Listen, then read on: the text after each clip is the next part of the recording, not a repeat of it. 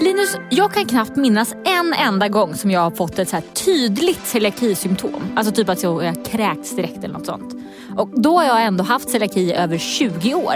Någon gång borde jag ju ha fått i mig över 20 ppm gluten under alla de här åren. Det borde du ju definitivt ha fått. Ehm, Men det verkar lite grann, vi pratade om tidigare också, att du har lite mer där som den tystare delen av celiaki. Ja, och det kan man ju tycka är jätteskönt. Jag märker knappt om jag får i mig gluten då. Nej, det som är bra är att du inte märker det. Det dåliga, det är ju att du inte märker det. För då kan det liksom innebära att du får i dig gluten lite mer ofta än vad du vet. Ja, och det är ju på ett sätt ganska läskigt för att det finns ju jätte, jättemycket konsekvenser som man kan få liksom längre fram i livet som jag knappt hört talas om innan du började berätta om det för mig. Och exakt vilka de konsekvenserna är, det ska vi prata om i dagens avsnitt av Glutenpodden. Jag heter Smilla Lok. Jag heter Linus Engqvist Rickert. Det här är Glutenpodden, då åker vi.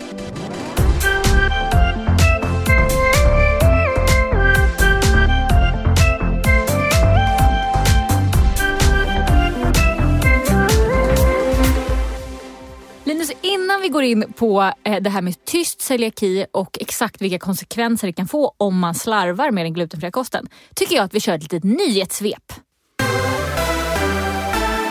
Dr. Skär, världens största tillverkare av glutenfri mat, har köpt konkurrenten Semper som är Sveriges största glutenfria livsmedelstillverkare. Från och med 1 januari 2024 går köpet igenom. Men än så länge vet vi inte exakt vad som kommer att hända med Semper och de produkter som finns på marknaden idag. Dr. Skär och Semper är de företag som i dagsläget har flest produkter i butikshyllorna. Och Svenska Celiakiförbundet hoppas att köpet kommer att gynna alla som har celiaki. Men exakt hur detta ska gå till vet vi alltså ännu inte. Men nu till dagens ämne. Om vi bara går rakt på sak, vad är egentligen tyst celiaki? Det är då när man får symptom som man kanske inte liksom kopplar till celiakin. Eller att man inte får några symptom alls egentligen av liksom att man har celiaki och får i sig gluten. Och det kan ju vara både att man till exempel har gått med celiaki i många, många år och aldrig haft symptom som man reagerar på. Eh, och det kan man kalla tyst celiaki. Eh, för att man- märker det då kanske för att ens barn eller nära anhörig får diagnos och man då screenar familjen som man alltid ska göra men som jag vet då att de flesta läkare inte gör. Eh, men då kan man hitta de som har tyst celiaki. Sen när de väl får diagnos så brukar det vara så att de kan hitta saker som var att jaha, det här symptomet har jag haft hela livet. Mhm, typ så här, jag har alltid varit så trött men Ja. nu är jag pigg när jag äter glutenfri mat. Ja, men precis. Man märker skillnaden efteråt först. Då säger man att ja, men det var ett symptom, för det här var liksom inte normalt. Jag fattar. Men eh, är det någon skillnad på liksom rent kroppsligt eh, vad som händer i tarmen eller liksom hur kroppen reagerar på gluten? Nej, det behöver det inte alls vara. Utan det är liksom bara, man, man får skilja på det. Liksom, Det är en del som då är de här kan säga, symptomen man får. Antingen då tarmkanalen, liksom att man kan få diarréer eller kräkningar. Eh, som så här, många ser som de, väldigt, de vanligaste symptomen. Det som också läkare letar efter. Eh, sen vet man att det kanske inte är de vanligaste symptomen. För att man får komma ihåg att två tredjedelar av alla med celiaki, de får ju aldrig diagnosen. Det är så sjukt. Alltså, säg det där igen så folk hör. Två tredjedelar av alla som har celiaki får inte en diagnos. Nej, och aldrig. De dör ju liksom då, liksom när de har levt klart sina liv och har aldrig fått veta om att de har celiaki. Hur kan att, man veta den här siffran då? Eh, Känner mig skeptisk. när man då plockar ut, eh, tar det som från normalbefolkningen ja. och sen så screenar man, screenar man då ett, ett gäng människor eh, och kollar då, så ser man då hur många som faktiskt har celiaki. ja, jag förstår. Och sen då har man gjort det här många, många gånger i många olika länder. Och utifrån det drar man slutsatser då hur många som av hundra som borde ha celiaki. Mm. Och i Sverige kommer man fram till att det är någonstans mellan 1 och 3 procent som har celiaki. Vad vi känner till, och nu, nu är det ganska dåliga siffror på det här, men någonstans kanske runt 75 000 som har diagnosen celiaki i Sverige idag. Eh, Och det borde kanske vara upp på 300 000 då. Oj jäklar. Ja, jag förstår. Eh, Så det kan ju vara så att många av de här kanske har då, kan säga, asymptomatisk celiaki. Eller som att man har inga symptom eller symptom som man inte kopplar till celiakin i alla fall.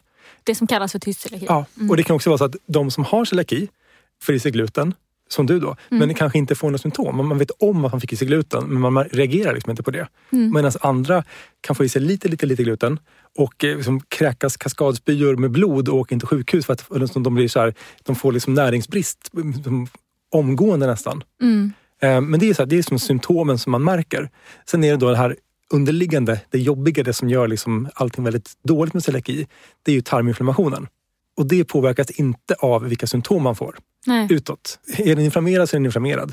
Och då spelar det ingen roll om du får symptom eller inte. Det påverkar liksom inte själva inflammationen i sig. Jag fattar. Hur vanligt är det att man har tyst celiaki om man har diagnosen? Så att säga? Eh, det är lite oklart, men liksom det som jag får fram när jag pratar med massa olika läkare och forskare, det är väl att kanske någonstans runt hälften eh, märker inte av symptom, medan hälften gör det. Mm. Och då är ju som sagt, alltså mag-tarmsymptom är väldigt vanliga hos de som märker av symptom. Men också alltså, trötthet, huvudvärk. Huvudvärk särskilt är som jättevanligt. Även de som får mag-tarmsymptom. Efter att man har haft mag-tarmsymptom så har man trötthet och, och huvudvärk. Och det kan ju vara för att man blivit av med all vätska kanske. Eller sånt där. Ehm, Men även liksom, de som inte kräks och har diarréer märker också av mycket, liksom, alltså trötthet och huvudvärk och sånt. Mm, jag fattar. Jag ställer frågan på min Instagram. Mm. Eh, två olika frågor. Dels, eh, har du hört talas om tyst celiaki? Och sen, får du tydliga symptom när eller om du får i dig gluten? Ja. Det här är ingen statistisk liksom, vetenskaplig undersökning så. Men det, men det var ändå typ 500 personer som svarade på båda frågorna och då kunde man ändå välja så här, jag har inte celiaki, jag vill bara se svaren. Så att de är då borträknade och då var det Ah, 500 okej. personer som ändå svarade. ja. Men det är, ändå, det är en fingervisning. Det är en fingervisning. Och då var det eh, 66 procent hade hört talas om tyst celiaki. 34 procent hade inte hört talas om det. Nej, Så det är ändå alltså, förvånansvärt många tycker jag som aldrig hade hört talas om det. det är det faktiskt. Eh, och jag tänker att mycket tror jag beror på att läkarna har inte så bra koll på det här med tyst celiaki. Nej. Så att, alltså, någonstans, om du ska känna till tyst celiaki så måste du ha hört det någonstans. Mm. Och eftersom väldigt många läkare inte vet om att det finns, de hittar patienter som har tydliga symptom. Och ofta är det så att man får liksom söka igen och igen och de kanske utreder andra grejer först. Till slut kollar de celiaki. När man kollar på hur lång tid det tar att få diagnos, så eh, en undersökning gjordes 2009. Då såg man att det var mellan 8 och 12 år från första läkarkontakt med symptom Oj, till man fick diagnos. oj, oj, oj. Då får man tänka att barn får ju oftast diagnos lite snabbare än så eftersom barnläkare har tätare kontakt och lite bättre koll. Mm. Ehm, Men när vi gjorde en SIFO-undersökning för tre år sedan så såg vi att även många barn fick vänta liksom då uppåt kanske ja, två, tre, fyra, fem, sex år på att få diagnos fast de hade varit i kontakt med läkare med tydliga symptom. Mm. Eh, Så att kunskapen är väldigt, väldigt låg hos läkarna och det tänker jag mig att som patient får man inte veta det då från, till exempel från Celiakiförbundet eller från någon annan som har celiaki eller från läkare, men då vet man inte om det. Nej. Men man kan lyssna på det här poddavsnittet. Då får man veta allt om, om Ja. tyst celiaki.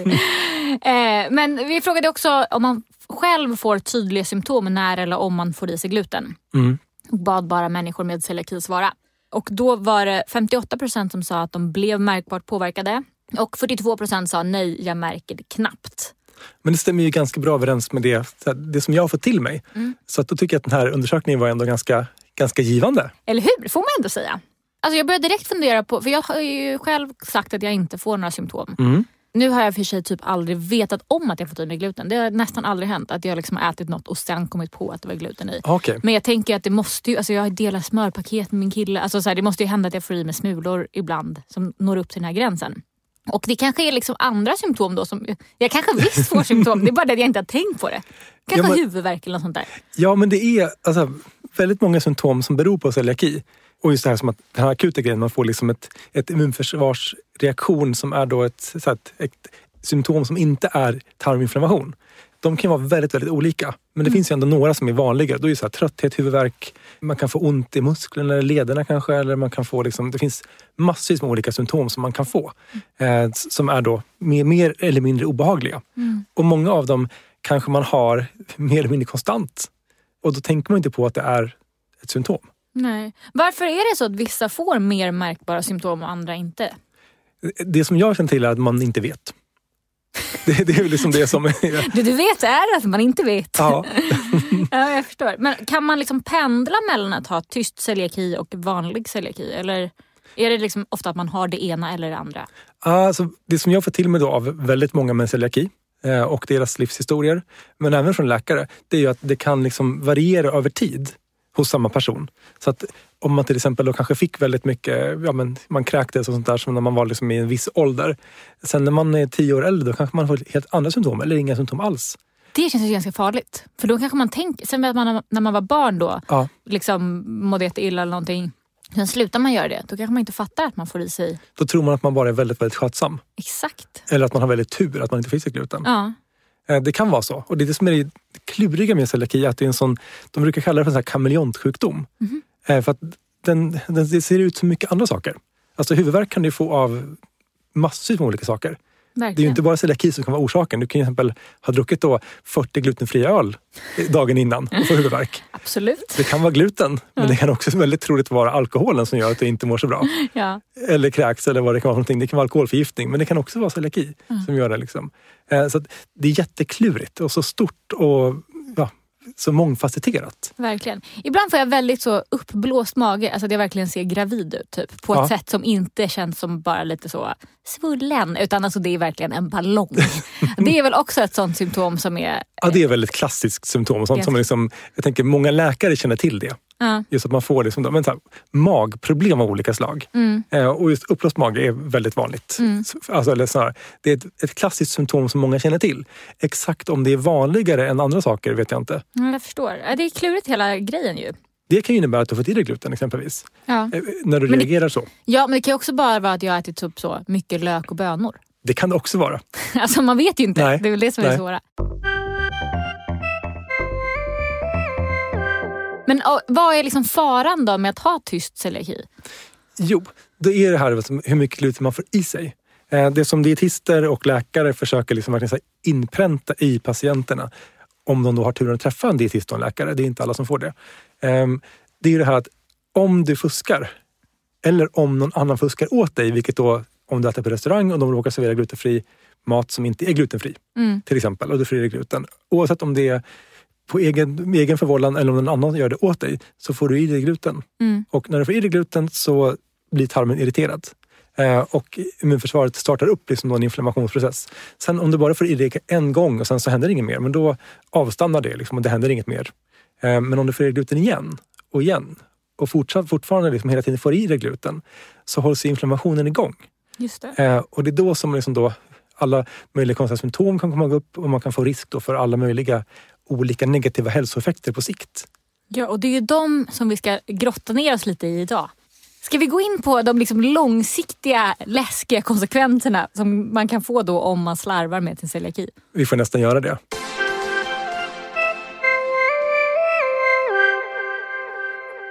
Innan vi liksom börjar prata om allt det här läskiga, du skickade mig den här listan nu på förhand. Ja. Och det var inte kul läsning. Jag kan ju direkt säga att man kommer inte lämnas med en bra magkänsla. Efter att man har hört det här avsnittet. Men eh, vi vill ändå bara säga att så här, det här är då om man liksom får i sig gluten ofta och regelbundet eh, trots att man har sin celiaki då.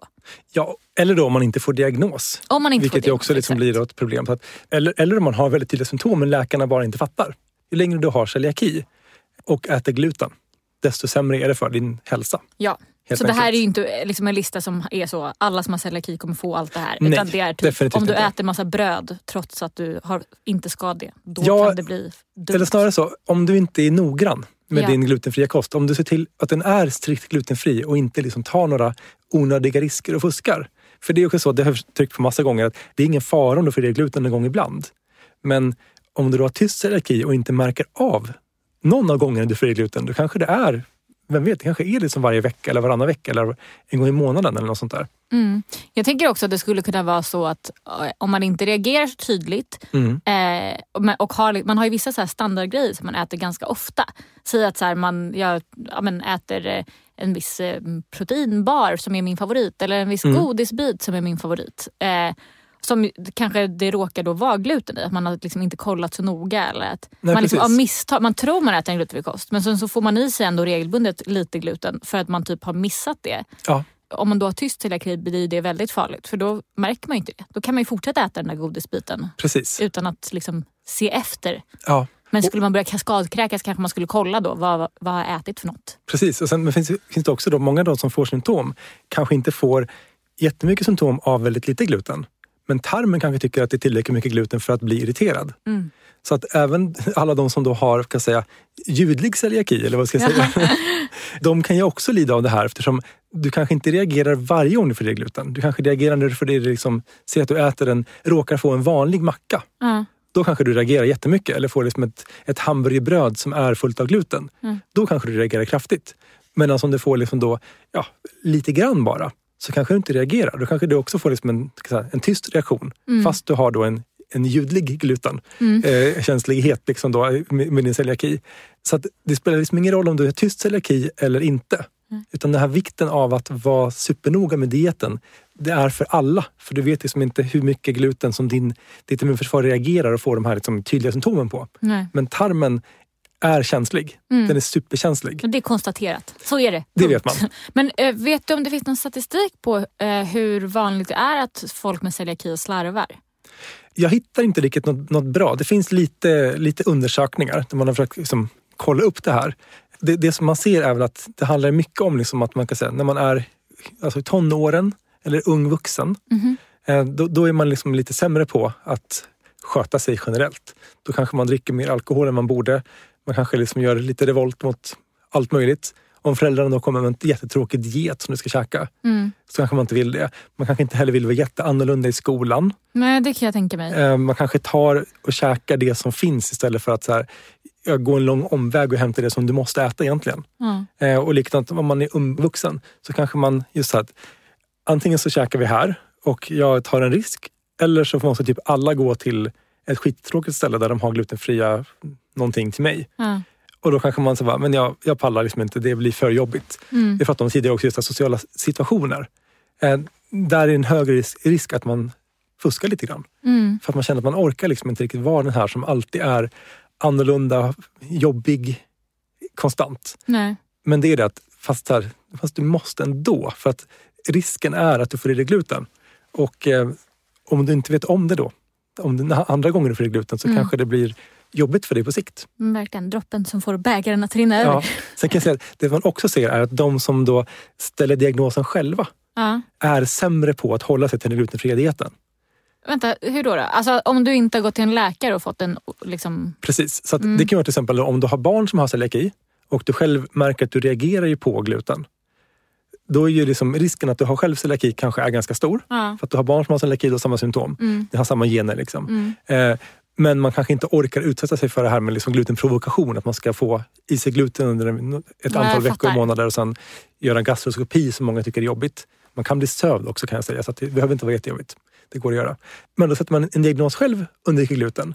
De som har gjort det själva då, de är inte lika noga med sin strikta glutenfria diet som de som har fått diagnos av läkare och fått liksom då blivit tillsagd att sköt det här. ja, jag förstår. Eh, utan när man det själv, då, då vet man inte riktigt om det är säkert celiaki, så man riskerar ändå lite mer.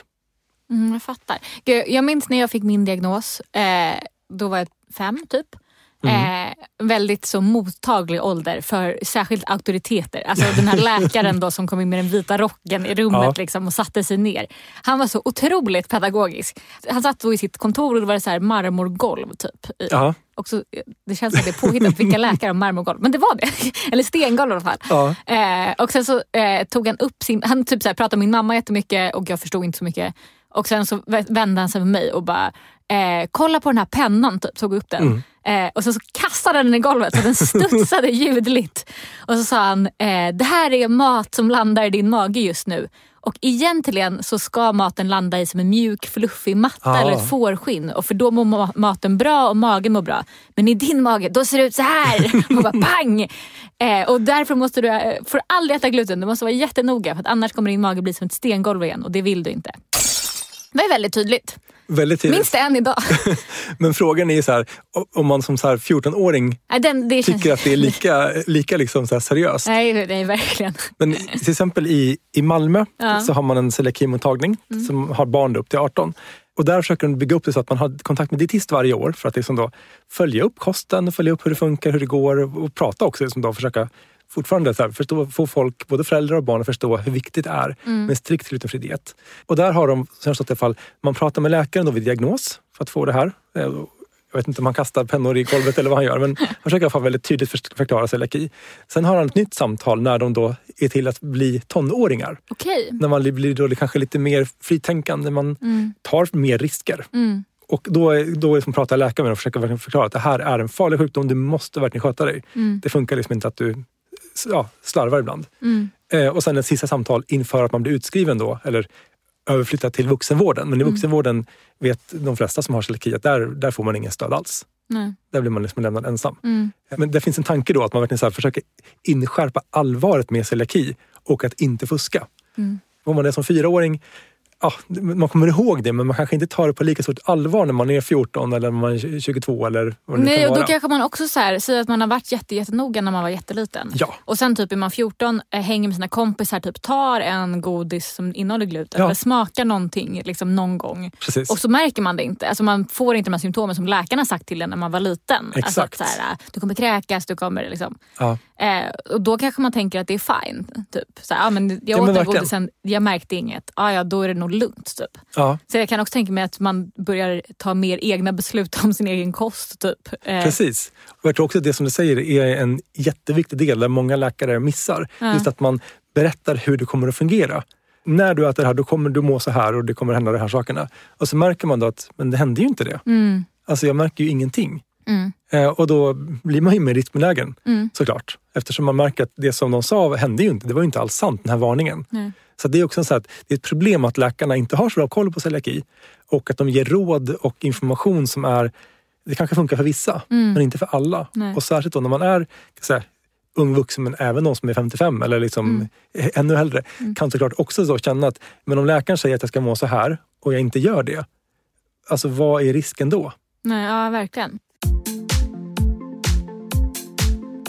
Vi pratade ju lite om det här med liksom att slarva och Mm. vad, om man då är riskbenägen eller liksom slarvar bara någon gång ibland, var är liksom de största farozonerna för att slarva? Precis. Och jag ställde också frågan på Instagram och det var extremt stort engagemang. Alltså så många som svarade på den här frågan. Frågan löd typ så här, när är du mest benägen att fuska med din celiaki? Ja. Och då var det väldigt många som svarade typ så här. Eh, Jag eh, fuskar aldrig, jag skulle aldrig göra det, det här är en eh, autoimmun sjukdom. Typ så här, blev, kändes som att de blev provocerade av frågan ens. Ja, ja, Och var ja, så här, exakt. jag mår jättedåligt, jag skulle aldrig fuska. Hur, hur kan du ställa den här frågan? Typ. Men så var det väldigt många som också skrev eh, olika tillfällen där de fuskar. Och det var väldigt många som svarade ungefär eh, samma sak. Så Ja. jag tänkte vi kunde läsa upp några av svaren så kan man se om man känner igen sig i det här. Ja, Vill du börja? jag bara. Kontaminerad mat. Man tänker att äh, det är nog lugnt. Mm, det kan jag verkligen relatera till själv. Alltså, Ja. eh, det var någon annan som skrev ehm, pizzor som gräddas i samma ugn. Det är lite samma, det är kontaminationsrisken Ja, där. Och att så här, om, man ändå, om man går till en pizzeria och sen så ber man om en glutenfri pizza, de, man betalar extra för en glutenfri pizza. Ja. Och så ser man att men den, den ligger typ ganska nära de andra grejerna. Eller de tar med samma handskar, typ Ja, precis. Ja. ost och sånt. Att det ändå är så, ja, men nu har jag ändå köpt den här gluten, glutenfria pizzan, Precis. det borde vara lugnt. Typ. Så Den är där, nog mest glutenfri i alla fall. Exakt, men eh, där, det känns ju som en stor risk. Det, det är nog en ganska stor risk och det man ser också när, när livsmedelskontrollen gör kontroll, alltså från kommunerna, på pizzerior, Mm. så har de inte alltid stenkoll. Vissa har det, alltså vissa är skitduktiga Ja. och gör det här liksom jättebra. Eh, den stora risken är inte när man lägger på den här dressingen, alltså där är som då olika osten och Aha. grejerna. Den där brukar det vara, kan, kan vara ganska bra. Ja. Utan stora risken är just det här att du använder samma pizza, det, Spatel. spade. Ja. Ja. Antingen det eller att du lägger den på, alltså direkt på ugnen eller på, vad Ja. heter det för någonting? Själva hällen. Typ. På hällen liksom. Där det då ligger massa gluten. Ja, det känns ju som farligt. Ja. Det hade jag faktiskt inte ätit, det ska jag Nej. säga. Man vill ändå att det ligger på ett bakplåtspapper eller på en, Ja, precis. eh, Och i liksom, en form. det, det går att göra. ja. Det går att göra säker, säker glutenfri pizza i en vanlig pizzeria. Eh, men du måste ju göra det på ett säkert sätt. Ja. Och det gör inte alla. Utan väldigt många pizzabagare, men även andra restauranger riktar sig till de som inte gillar gluten. Mm, Men som tål det. mm, Så det är det som är det jobbiga för de som har celiaki. Att mycket av maten som påstås vara glutenfri är riktad till de som inte gillar gluten. Mm. Men som inte reagerar alls om de får i sig gluten. nej. Ja, det är lite eh, lurigt. Det är lurigt. Det var någon annan som skrev här att eh, om det kommer en liten eh, smula rostad lök på en sushibit. Det här Ja, kan jag också verkligen relatera till. Just för att det blev någon himla boom med att alla sushi-ställen plötsligt skulle börja ha massa rostad lök Ja. på sushin. Alltså var kom det ifrån? Det var också som så här, från en dag till en annan så bara, nej, nu har alla typ rostad lök på sin sushi. det är konstigt. Ja och så står det inte på menyn heller. Alltså det, väl, Nej, det, nej. det står ju inte typ så här, åtta nigiri lax med rostad lök. Med gluten. Nej exakt, Nej. utan det bara plötsligt dyker upp. Precis.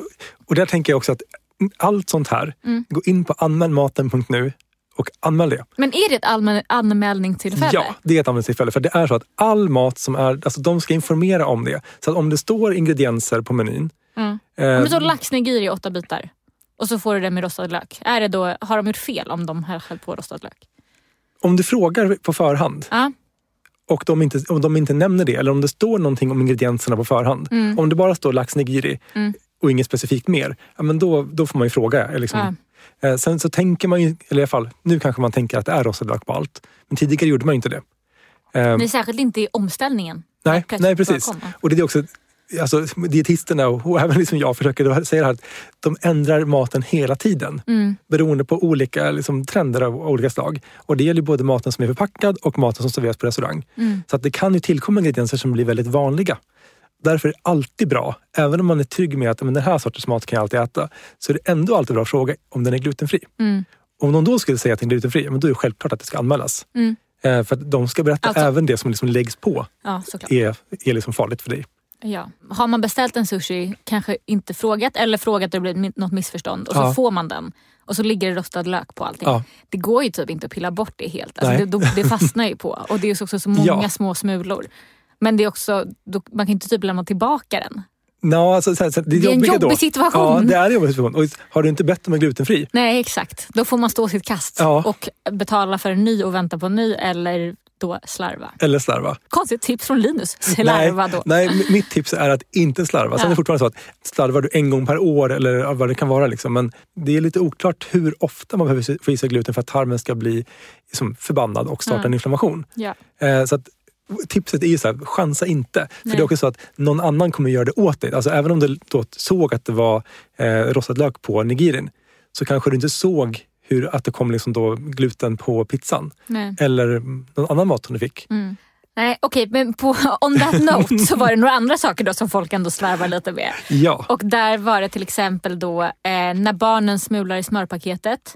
Ja. Lösgodis med vetestärkelse. Ah. Som man typ förut var, var det väl vetestärkelse typ okej men sen Ja, kom men det var det, glutenfri vetestärkelse. Precis, då var det 200 ppm som var gränsen. Sen Just sänkte det. man den till, till 20 ppm. Också lurigt. Vad var det för något? Alltså när jag var liten fick jag äta vetestärkelse, nu Ja. får jag inte det. Det var, väl, det var väl att när man satte gränsen då på, jag tror att det var om det var 80-90-talet någon gång. Mm. Då frågade liksom myndigheterna, alltså branschen, så här, vad, vad, kan ni göra glutenfri mat? Så, ja visst, vi kan göra typ 200 ppm. Mm. Och sen så jobbade då celiakiförbunden väldigt hårt och eh, säkerligen även många andra jobbade väldigt hårt under väldigt många år på att så här, det måste bli säkert. Det kan inte, ni kan inte bara ta en, en, så här, liksom en gräns från, bara från luften. Nej. Utan läkaren menar att det ska vara mycket lägre gräns. Annars är det farligt för dem med celiaki. Så att till slut lyckas man få igenom att man sänkte till 20 ppm. Mm. Och det är det som gäller nu och det är det som, det som de allra flesta med celiaki klarar. Jag förstår. Det var ingen som gjorde det av ondo, det var av godo. Det- Även om det- det var det- lite ja. deppigt för alla när man plötsligt kunde äta mycket mindre gluten. Precis. Eh, en sista grej då som folk ändå slarvar med som jag kände, kunde känna igen mig lite i Mm. är chokladbollar med vanliga havregryn. Det är väl en liksom, Ja, ja. har inte ni Mm. typ sagt okej till det ibland? Eller? Eller ni bestämmer inte, men Livsmedelsverket. Eh, jag tror att alltså, om man äter vanligt havre, havre liksom någon gång ibland Mm. så alltså, man, får ju liksom bedöma risken någonstans. Mm, Och då är det till exempel då de här olika havredryckerna som inte är glutenfria. just det. Det kanske inte är jättehög risk att de har i sig massvis med gluten. Nej. Så att så här, om man tar det liksom i moderation. Sen när det är, havre, liksom då, godis gjort på havre eller vad det kan vara för någonting. Då är det mycket mer havre i, Mm. än det är som i en, havremjölk så är det mest vatten. Just det. Eh, så att om man äter då någonting gjort av havre någon gång ibland och har tur då att det inte är jättekontaminerat så är det ju ingen fara. Nej, Men det är fortfarande en sån här sak att det är lite risky. det är lite risky. Så, att, så här, kan du välja någonting annat så- gör gärna det. Hellre kokostopp. Ja, om det är gluten-fri så är det ju liksom, det är ju mycket bättre. Ja. Jag kan bara säga också, att många svarade i öl. Ja, det gjorde de. Eh, så, som ett, ett ställe där man kan fuska lite grann. Ja. Eh, och där vet vi också att många läser den här rapporten som vi pratade om i för, förra avsnittet. ja. Eh, Jättebra avsnitt för övrigt om öl och gluten. Tips, tips Verkligen. om man inte har lyssnat. Verkligen. Ja men öl är ju en eh, typisk fälla. Inte bara för, alltså det som har läst kanske den här rapporten Ja. där man, det står att massa öler ligger under gränsen. Det står ju inte det egentligen, det är det som är det jobbiga. Att I Livsmedelsverkets rapporter så står det liksom lite grann, det står lite information, så står det massa information i texten hur man ska lägga till då. Så att det står ett värde, ett analysvärde. Sen till analysvärdet ska du lägga felmarginal på det. 50 procent. Och om det står att det var, säg 15 ppm gluten, men då ska du lägga till hälften av 15 som är 7,5. Mm. Och då hamnar du över 20 direkt. Väldigt lite över 20. Väldigt lite över 20. Men, Men ja, det är fortfarande så att då hade man tagit analyser av tre stycken ölflaskor. Ja. Eller burkar. just. Eh, sen vet ju inte vi vad som har hänt sen 2013 när man gjorde de här, eller 2012 till och med, när man gjorde de här proverna. Eh, vad som har hänt då med tillverkningsanläggningarna och de här olika liksom, eh, ja, mackapärerna som används i fabrikerna. Eh, så att om man provkör då ett, gäng öler nu kanske de har högre glutenhalt. Mm. Tippet är så att ta de som är glutenfria. Ja. Även om det är mycket, mycket billigare med glutenhaltig öl. Ja, och en annan risk med det är väl också alltså, att man dricker några öl och så tänker man, äh, det där är inte så farligt. Ja, och, och så att märker man ingenting Nej. så känner man inte att det är någon jättestor risk. Nej. Och sen är det också så att när man dricker öl så får du i dig mycket, mycket mer än när du äter en Just limpa. Det är lättare att häva i sig Det är öl det. än att häva i sig bröd. Ja, men det var några av de eh, slarvgrejerna som man då Ja. kanske kan till se som en lista där man ska vara lite extra noga. Watch out för de här eh, situationerna helt enkelt. Under våren sponsras Glutenpodden av Celiakiföreningen i Skåne län som hostar södra Sveriges största glutenfria mässa, Det goda livet. Ja, välkommen den 25 maj till Malmömässan i Hyllie för att tillsammans med oss fira mässans 10-årsjubileum. Läs mer på specialkostmässan.se. För vi kommer också ha livepoddar, så det kommer ju bli Just det. Lyssna på oss där.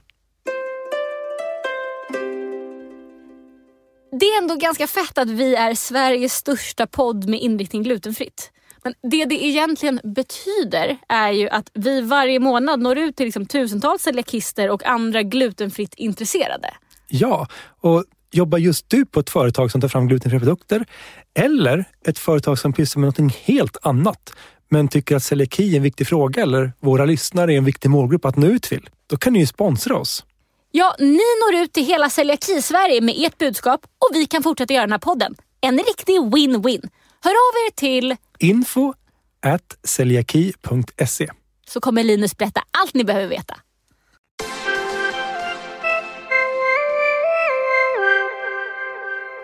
Är det dags att vi går in på den här beryktade listan med vidriga saker som kan hända om man fuskar regelbundet med celiaki? Jag tror vi gör det faktiskt. Ja, och återigen då brasklapp. Det här händer inte alla eh, och det, om man håller sig till strikt glutenfri kost så är det inte stor risk att man får allt det här. Precis. Om du inte sköter dig. Ja. Vikten av att inte slarva, inte fuska. Vi börjar då, nummer ett, som jag har lagt högst upp här. Liten, liten risk för att dö i förtid. Går ut hårt. Ja, vi går ut hårt. Död. Och det här är då så att det är ingenting man behöver oroa sig för som, som enskild celiakist. Men det man har sett ändå, är att det, det man har liksom en pytteliten ökad risk ändå. Så man dör liksom då lite tidigare. Det handlar inte alls om, om någon stor risk, men det handlar om pytteliten risk. Så att för oss som celiakiförbund så vill vi att man ser det här, tar det här på allvar och verkligen liksom då hjälper människor att, för att få diagnos så tidigt som möjligt för att då undvika det här. Nummer två.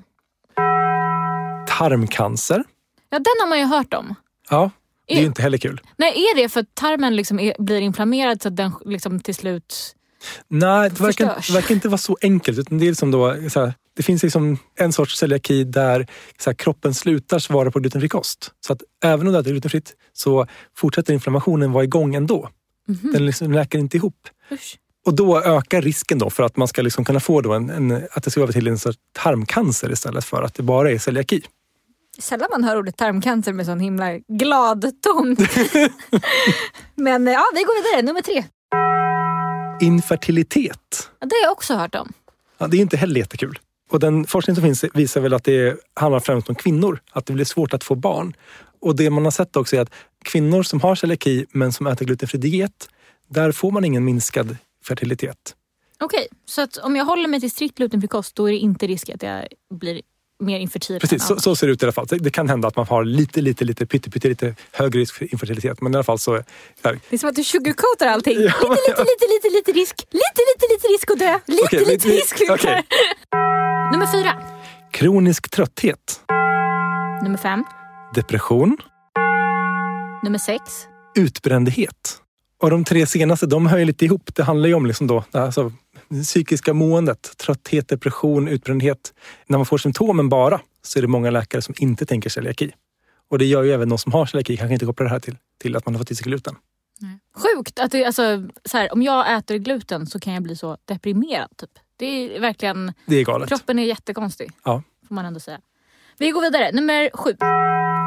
Sen pubertet. Är det vanligt? Alltså kan man se att människor med celiaki har gått in senare i puberteten? Ja, jag förstår så är det hyfsat vanligt ändå. Att Okej. eh, man märker både killar och tjejer att man kommer in, man kommer in senare. Mycket senare till och med, kan vara flera år senare. Nummer åtta. Utebliven menstruation. Hör det ihop då med infertilitet? Eller är det två olika saker? Eh, jag vet inte exakt hur det hänger ihop, men jag tänker mig att det gör det. Menstruationscykelstörningar kan man få då av celiaki. Det, och då funkar den inte som den ska.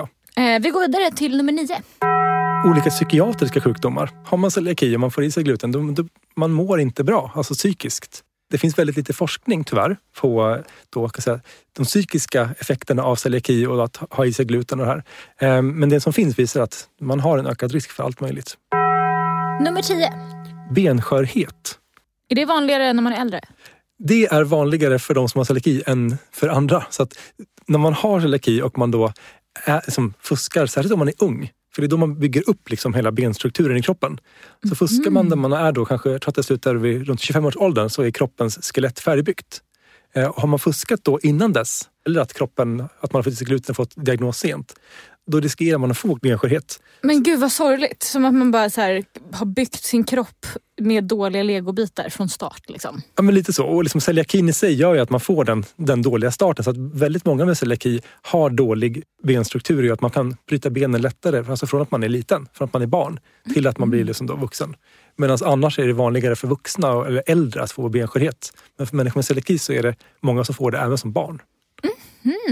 Gud, det har jag aldrig hört. Jag har blivit handleden och armarna flera gånger. Undrar om det hör, hör ihop. Det är inte omöjligt. Eh, vi kör på nummer 11. allvarliga infektioner när man blir sjuk. Och då är det så att man, eh, när man får då till exempel en vanlig förkylning, så om man har celiaki och särskilt om man har då liksom en inflammation i tarmen av att man slarvar eller att man då kanske inte har fått sin diagnos, då är risken att få en allvarlig infektion jämfört med liksom då så här normal förkylning så kan man få ännu värre för att man då har celiaki och har en inflammerad tarm. Nummer 12. Näringsbrist. Den känner man ju till. Den känner Det, man till. det är väl lite klassiskt nästan. Ja, och det är ju det att när tarmen är inflammerad, eh, då det finns mycket färre eh, då, ludd, tarmludd som plockar upp näring och då leder det till näringsbrist. Och det är mycket det som leder till allt det här andra som Ja, är skit. Det är liksom boven i dramat. Ja, Nummer 13. Vi har, vi har 16 punkter kan jag säga. Så att vi håller ut en liten stund till. Den 16 är dock med mera, men det tar vi sen. Eh, vi går vidare till 13. sämre emalj på tänderna. Varför det? Det är jättekonstigt. Jag har inte förstått exakt det här, men det är i alla fall så att ett symptom på celiaki, det är när man är vuxen, så kan man se då på att man har sämre emalj på tänderna. Så är det, som det är ett symptom för tandläkare om de är duktiga och kan det här, vilket inte alla kan. Gud vad konstigt. Eh, Men det, risken ökar ändå. Alltså, om du då får, i dig gluten hela tiden. Men och det är inte så att man typ alltså, kräks mer om man har celiaki? Och, Nej, det är Nej, jätteolika. Vissa kräks mer, andra gör inte det. nej, Men, men däremot så blir det ju, alltså, man bygger ju upp hela kroppen, även tänderna, Ja. med olika eh, mineraler och vitaminer och allt vad det kan vara för någonting som plockas upp genom tarmen. Mm. Så att om du inte gör det, men då har du inget material att bygga tänderna med. Det är likadant där. Mm. Dåliga byggstenar, då blir det ett dåligt resultat. Ja, jag förstår.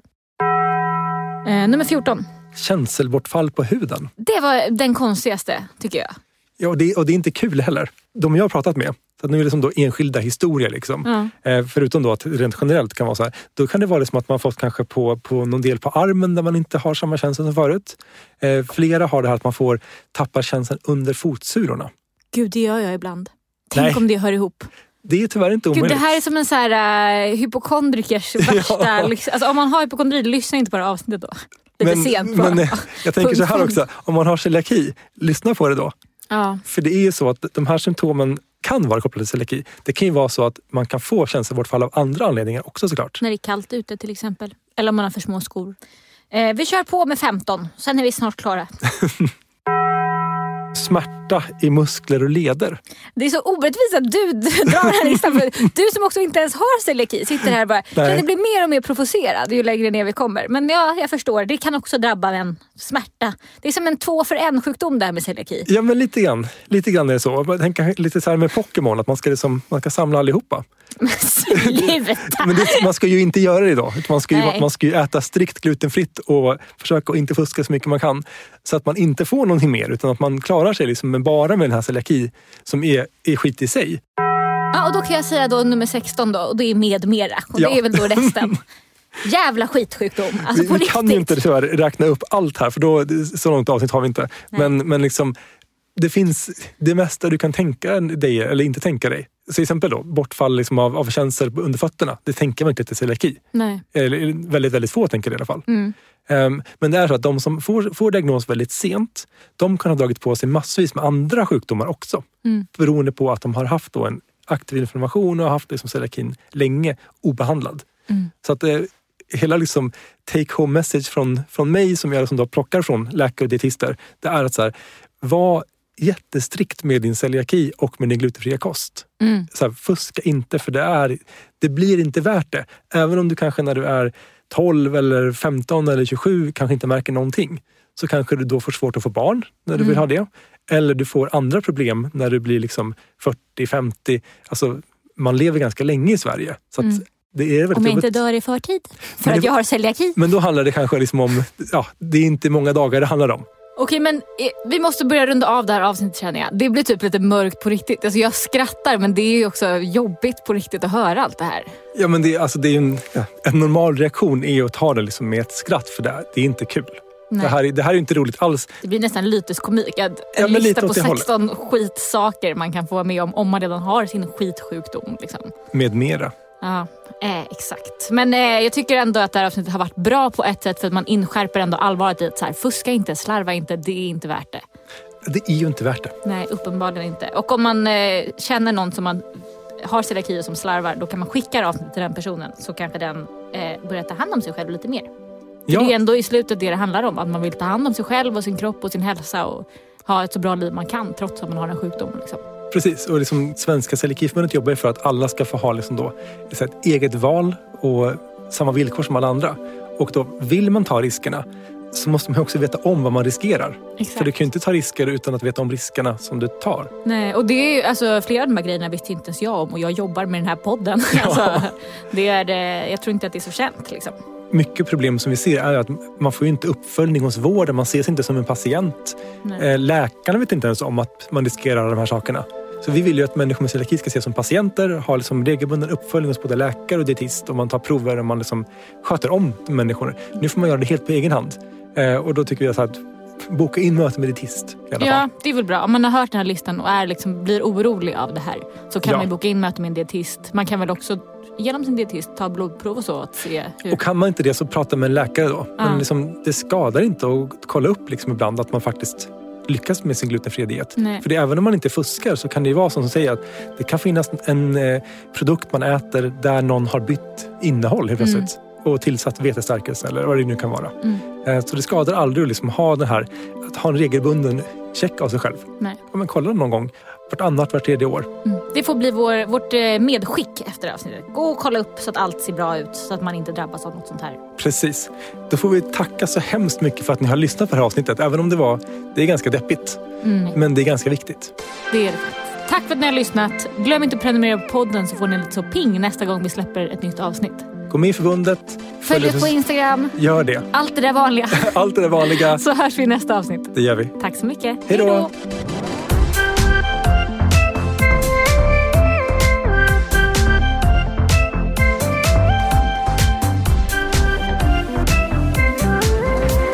Det här programmet görs på Beppo. Beppo.